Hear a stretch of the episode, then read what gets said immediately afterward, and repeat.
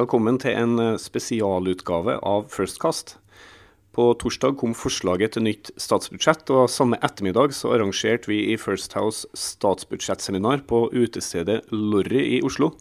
Vi tenkte vi skulle gi dere en eh, smakebit fra seminaret, og vi tok rett og slett til sides eh, noen av gjestene og noen av rådgiverne for noen korte samtaler om budsjettet.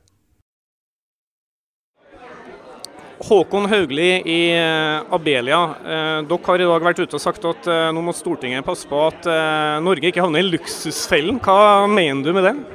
Ja, Det er jo selvsagt veldig spissformulert, men det vi bekymrer oss for er jo oljepengebruken. Dette budsjettet gjør Norge mer oljeavhengig og ikke mindre oljeavhengig. Vi tar mer penger ut av sparekontoen, og vi gjør for lite for å bygge nye næringer som kan erstatte en stor oljesektor, som vi vet at på et eller annet tidspunkt så må vi drive med noe annet her i landet. Hvor eh, burde politikerne ha brukt mindre penger, tenker du? Ja, Først og fremst må de jo slutte å plusse på, det er liksom førstebud. Eh, og ta noen vanskelige valg. Gjennomføre noen reformer som har langsiktig effekt, og som kanskje ikke er superpopulære.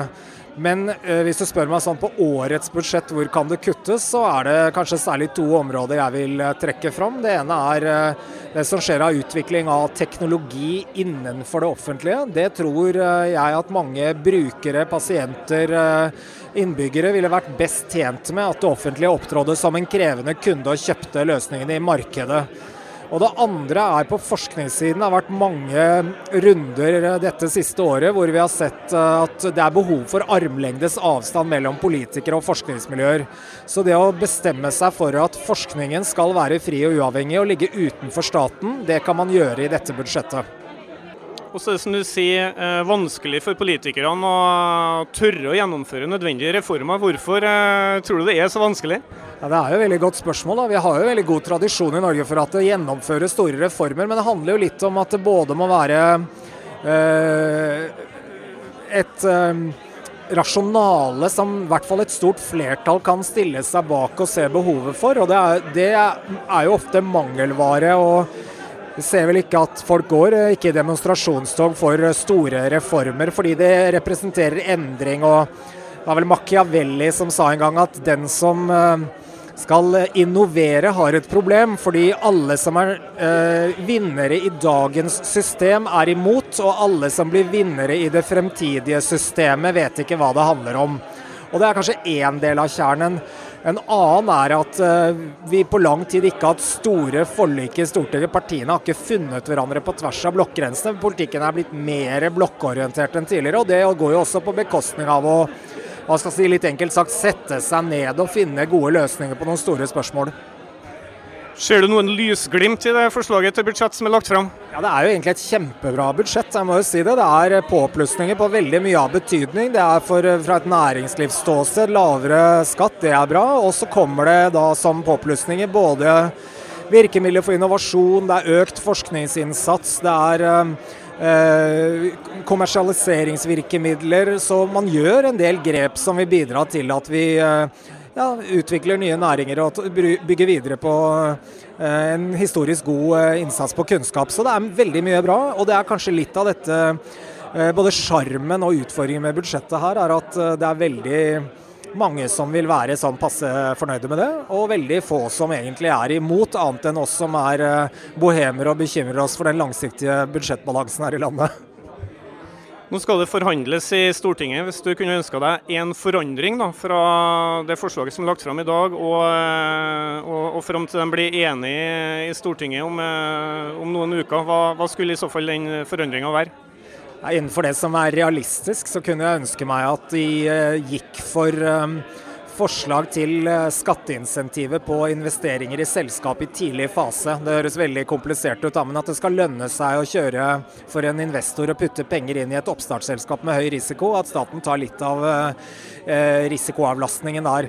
Og Det er jo fordi at noen av disse selskapene kan vokse seg store, og det vil være god samfunnsøkonomi å gjøre det. Så det er én liten ting. Men klart det er veldig mye jeg kunne ønske meg veldig mye større reformer på, men jeg tror vi lar det ligge. Men det har jeg håp om at det kan vi kanskje få se i Stortinget Stortingets behandling. Hilde Singsås, du er direktør i Spekter og har tidligere vært statssekretær i, i Finansdepartementet. Vi snakka tidligere her om det, dette litt paradokset og den utfordringa som politikerne har nå, med at de på ene sida skal iverksette tiltak for å møte bl.a. ledighetsutfordringer i deler av landet, og, og, hvordan det kan stå i motstrid til behovet for å både rette oppmerksomhet og, og ressurser til, til nødvendige omstillinger. Ja, det er klart at en eh, finanspolitikk eh, hvor du tråkker på gassen, kan bidra til å eh, løse et midlertidig konjunkturproblem. Og sånn sett bidra til å holde hjulene i gang og holde ledigheten nede. Problemet er bare at en ekspansiv finanspolitikk kan ikke bidra til å løse den langsiktige omstillingsutfordringen som norsk økonomi står overfor. Det er faktisk sånn at det er tvert imot. Jo mer gass på pedalen nå, jo vanskeligere blir det å få norsk økonomi gjennom de nødvendige omstillingene som vi må gjennom fordi eh, næringsstrukturen endrer seg og kostnadsnivået fortsatt er høyt. Hva mener du da politikerne burde ha gjort annerledes? Jeg mener først og fremst at man burde brukt mindre oljepenger. Oljepengebruken har økt kolossalt på noen få år. Og det bidrar til å gjøre omstillingene litt vanskeligere. Eh, men så er alle enige om at det er viktig ikke bare hvor mye penger vi bruker, men hva vi bruker dem på. Og det er klart at det å sørge for en effektiv, veldrevet offentlig sektor, sørge for at vi får mest mulig igjen for de ressursene vi stiller til rådighet, det er en annen viktig oppgave. Hvorfor er akkurat det siste så vanskelig for politikerne? Hva, hvorfor klarer de ikke å rette mer innsats mot en mer effektiv offentlig sektor? Generelt er det jo sånn at det er mye lettere å drive en ekspansiv finanspolitikk, hvor du legger asfalt, bygger nye bygg, gjør populære ting istedenfor å drive med det vi kaller strukturpolitikk. Som er ulike tiltak for å få mer ut av de ressursene vi eh, stiller til rådighet. For det handler ofte om smertefulle ting som kommunesammenslåinger, eh, sørge for at det lønner seg mer å jobbe, se på den geografiske strukturen på eh, sykehusene f.eks. Det handler om offentlig tjenestepensjon, beskatning av bolig og mange andre vanskelige ting. Eh, I dag er det jo lagt fram et forslag til budsjett. Nå skal det jo forhandles i Stortinget. og Vi vet jo at det er begrensa hvor store endringer som kan gjøres. Men eh, hvis du skulle ønska deg én forandring da, fra det forslaget som ble lagt fram i dag? Jeg syns det er vanskelig å peke på én bestemt endring, men jeg skulle ønsket at oljepengebruken lå vesentlig lavere. Og jeg skulle ønsket generelt at norsk politikk handlet om mer enn å legge på og legge på med nye utgifter. Det kan ikke være sånn at veien til lykke alltid er et nytt øremerka tilskudd eller en ny eh, støtteordning. Politikk bør også handle om hva vi kan gjøre mindre av. Kjell Werner, du er redaktør i ANB. Vi snakka akkurat her om at eh, både regjeringa og KrF, og kanskje særlig Venstre, spiller ganske høyt nå. Ja, altså De går høyt ut på begge sider. Venstre gikk jo veldig høyt ut på landsmøtet sitt og skulle ha tidenes klima- og miljøbudsjett. Eh, det skaper en veldig stor fallhøyde. Samtidig så har jo da eh, Erna Solberg og Siv Jensen lagt lista høyt når de på en måte har lagt nærmest et ultimatum på bensin- og dieseløkninga som de har lagt inn i budsjettet, og mener at det, er, det, det som er over, det er uansvarlig. Da, da får vi en veldig tilspissa situasjon utover høsten. Og, og, Det blir veldig tøft å se nå hva, hva, hva som blir resultatet. Jeg, jeg, per i dag mener at de borgerlige, fire borgerlige partiene er dømt til å lykkes. Fordi alternativet er at de vil sette inn Jonas Gahr Støre som statsminister, og det er ingen på Stortinget som i dag uh, har uh, interesse av. Nei, for Det er ingen av partiene på Stortinget som ønsker et regjeringsskifte nå uh, ett år før valget? Nei, altså, og ikke engang Jonas Gahr Støre ønsker det nå. For han vil føre valgkampen fram til neste år, og så vinne eventuelt. Men de borgerlige partiene er jo også da bundet av avtalen fra 2013. Eh, og det vil være et nederlag dersom de nå ikke, ikke blir enige. Men så, men så, er det jo da noen i KrF og Venstre som drømmer om, og jeg sier drømmer om, at uh, man skal da sette inn en ren høyreregjering. Altså kaste Frp ut. Det kommer ikke til å skje. Erna Solberg kommer ikke til å sende Siv Jensen og co. på gangen, fordi det vil være dødens posisjon å ha Frp som en si, nærmest løs kanon på yttersida av regjeringssamarbeidet. Så regjeringa vil fortsette, og de er dømt til å bli enige. Men da gjenstår jo spørsmålet, når de spiller så høyt, så er vel noen eh, også dømt til å bli en eh, taper etter forhandlingene? For eh, alle kan jo ikke få dem helst vil? Nei, og det er da jeg er litt overraska over hvor høyt spesielt Venstre har gått. Men samtidig så er jo Trine Skei Grande den politikeren som kanskje minst av alt, minst av alt ønsker å kjøre Jonas Gahr Støre inn i, inn i regjeringskontorene. KrF har en litt mer avslappa holdning. Og de har nå fått da 1% av bruttonasjonalprodukt til eh, bistand. Og, og, og liten eh, gulrot, slipper omkampen der. Eh, så dette blir, det blir spennende utover. Og, og, noen vil stå igjen som en taper. Og da er det om å gjøre å kamuflere det tapet mest mulig.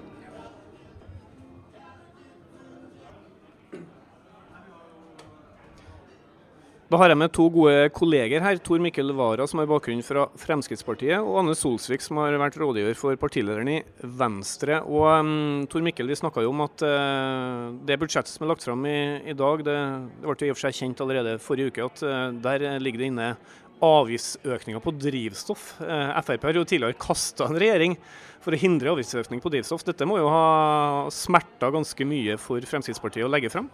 Ja visst har det det. Altså Man har jo kasta en borgerlig regjering som man i tillegg hadde lovt å aldri kaste. Fordi at man ikke kunne godta en avgiftsøkning på bensin. Men jeg tror det er viktig å huske på at det illustrerer at Frp har jobba hardt. Eh, men det illustrerer en annen ting. Og det at Frp var sannsynligvis veldig nervøs for å legge frem det forslaget, fordi man var redd for å bli straffa av velgerne. Frp skal ikke foreslå avgiftsøkninger på bensin. Så har man kommet frem til et eller annet kompromiss som gjør at man øker drivstoffavgiftene, og så reduserer man årsavgiftene, bompengene og pendlerfradrag. Det er en balanse som Frp kunne leve med, men fortsatt var de nervøse. Og så er det nesten sånn at de blir litt redde av Venstre, som sier at dette er ikke godt nok. Og med en gang Venstre sa at det ikke var godt nok, så tror jeg at Frp tenker at dette holder. Anne, um dette grønne skatteskiftet er jo noe man har eh, dratt med seg fra, fra forrige statsbudsjett. og, og, og Regjeringa og støttepartiene KrF og Venstre har jo eh, forhandla, i hvert fall hatt dialog og delvis forhandla i nesten et år før statsbudsjettet. Med, og, og, Målet var å bli enige om dette før statsbudsjettet. Det fikk de ikke til. Uh, hvorfor er dette så vanskelig i forholdet mellom regjeringa og støttepartiene? Ja, Hvor mye forhandlinger det egentlig har vært, det er jo det det er mye spenning eh, knytta til. Men uh, i hvert fall så for snart et år siden så ble man jo enige om et statsbudsjett, sånn skikkelig i tolvte time. Eh, og Grunnen til den enigheten var en merknad som lovte, eh, hvor regjeringen lovte å gå veldig langt i å sikre det grønne skatteskiftet. Man venta på en stor utredning som skulle komme. Man venta på avtale i Paris og håpte virkelig at den skulle komme på plass. Det var såpass eh, stort å få den merknaden på plass at Venstre var villig til å, å, bli med på det for et år siden. Det som har eh, vært eh, utfordringen nå, det er jo at det som ble lagt på bordet i de forhandlingene, i motsetning til hva de var nervøse for i Frp, så var jo liksom, Venstre var jo for så vidt nervøse, men det var jo mer på det motsatte. Det er sine velgere som ikke kunne akseptere dette som det endelige opp mot de forventningene som er blitt bygd opp i løpet av det siste året. For de forventningene er enorme. Eh, Venstre har eh, lagt mye i å skulle få til eh, denne løsningen. Og det som er kommet, holder ikke. Og det har de vært veldig tydelige på nå. Ja, altså Ikke bare Venstre har vært veldig tydelig, men også regjeringa da den la fram denne økninga av avgiftene forrige uke, var veldig tydelig på at dette er så langt vi kan gå. Når jeg ser det litt utenfra, så ser det veldig ut som både regjeringa på ene sida og støttepartiene, og særlig Venstre på andre sida, har eh, si, enten malt seg inn i et hjørne eller lagt lista veldig høyt på hver sin kant.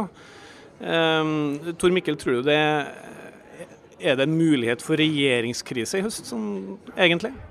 Ja, det er mulighet for regjeringskrise. Men nå må jeg si at jeg tror ikke det blir det. For jeg tror man kommer til å løse dette på en eller annen måte. Det Erna sa når hun sier at dette er så langt jeg kan gå, så tror jeg det er første rekke en solidaritetserklæring mot Frp om at hvis vi skal gå lengre, så må Frp akseptere det. Jeg har, jeg har pressa Frp til å øke bensinavgiften og dieselavgiften og mineraloljeavgiften, og jeg kan ikke presse dem lenger, med mindre de går selv. Det, der ligger forhandlingsrommet. Så tenker jeg at den, den andre runden som ligger i, i, det her, er at man må huske på at det er to akser hvis vi snakker om bilavgifter. Det ene er drivstoffavgiftene, økning av bensinavgifter. Det andre er de andre avgiftene som er knyttet til årsavgift, bompenger og pendlerfradrag. Og For Frp tror jeg det er sånn at hvis man bare får en total avgiftslettelse til bilistene, 900 millioner kroner er forslaget nå, så kan man leve med det. Og man kan fortsette den tankegangen. Man kan øke avgiftene på diesel og bensin enda mer, men da må man redusere årsavgiften eller, eller bompengene enda mer. Da kan det finnes en løsning. og Derfor, tror, derfor er jeg blant dem som tror at det blir en løsning til slutt. Selv om fronten er hard og steil. Men det skal de jo være før en forhandling. Tor Mikkel tror at det finner en løsning snakker mye om uh, øre per liter her, Anne, men uh, for Venstre så er det vel ikke egentlig kronene det har handla om? Det er jo tonn CO2 i hovedsak det handler om for Venstre. Og Det er jo det som er hovedessensen i den merknaden som ligger fra i fjor. For jeg tror òg at man kan klare å finne ut av det skiftet økonomisk. Eh, der tror, jeg, det, der tror jeg kanskje mange er ganske overraska over hvor mye Venstre og Frp kan finne til felles. Utfordringen er jo at for Venstre så blir det på en måte det reelle skiftet knytta til eh, eh reduksjon i eh, CO2-tonn. Det andre for Frp er mer at eh, for de ser på dette mer som en symbolsk sak, og eh, noe som man nok har et litt annet forhold til da, enn en i Venstre. Så for Venstre nå så har de jo ikke avvist å gå inn i forhandlinger, og det må vi ha med oss. Og de ser heller ikke den andre retningen. De søker ikke veldig mot Arbeiderpartiet eller noe, noe venstreorienterer seg på den måten. Eh, det de er opptatt av nå, det vil være å bevise hva som er mulig å få til, tror jeg. Jeg tror det sitter litt sånn fandenivoldskere i nå. Nå skal de bevise i sitt alternativ eh, hva et grønt skatteskifte de snakker om, handler om. Eh, de trenger å se eksperter som eh, støtter eh, det som dukker opp nå i, i diskusjoner. Eh, og de trenger nok å, å, oppnå en situasjon hvor de føler at tilliten blir bygd litt mer tilbake, eh, fra spesielt statsministeren. For en uenighet mellom Venstre og Frp på en del ting, både når det kommer til dette området som vi snakker om nå, med det grønne eh, feltet, eh, flyktninginnvandring, som har også vært en sånn stor sak i løpet av dette, gjennom dette samarbeidet, det er det ingen som er overraska over. Men jeg tror nok for Venstre så er det krevende når ikke man finner enighet med Høyre. For da har man alltid følt at han Det har vært en veldig sånn trygghet eh, ved det samarbeidet man forplikta seg til da, i denne perioden. Det var noen smakebiter fra diskusjonene på statsbudsjettseminaret.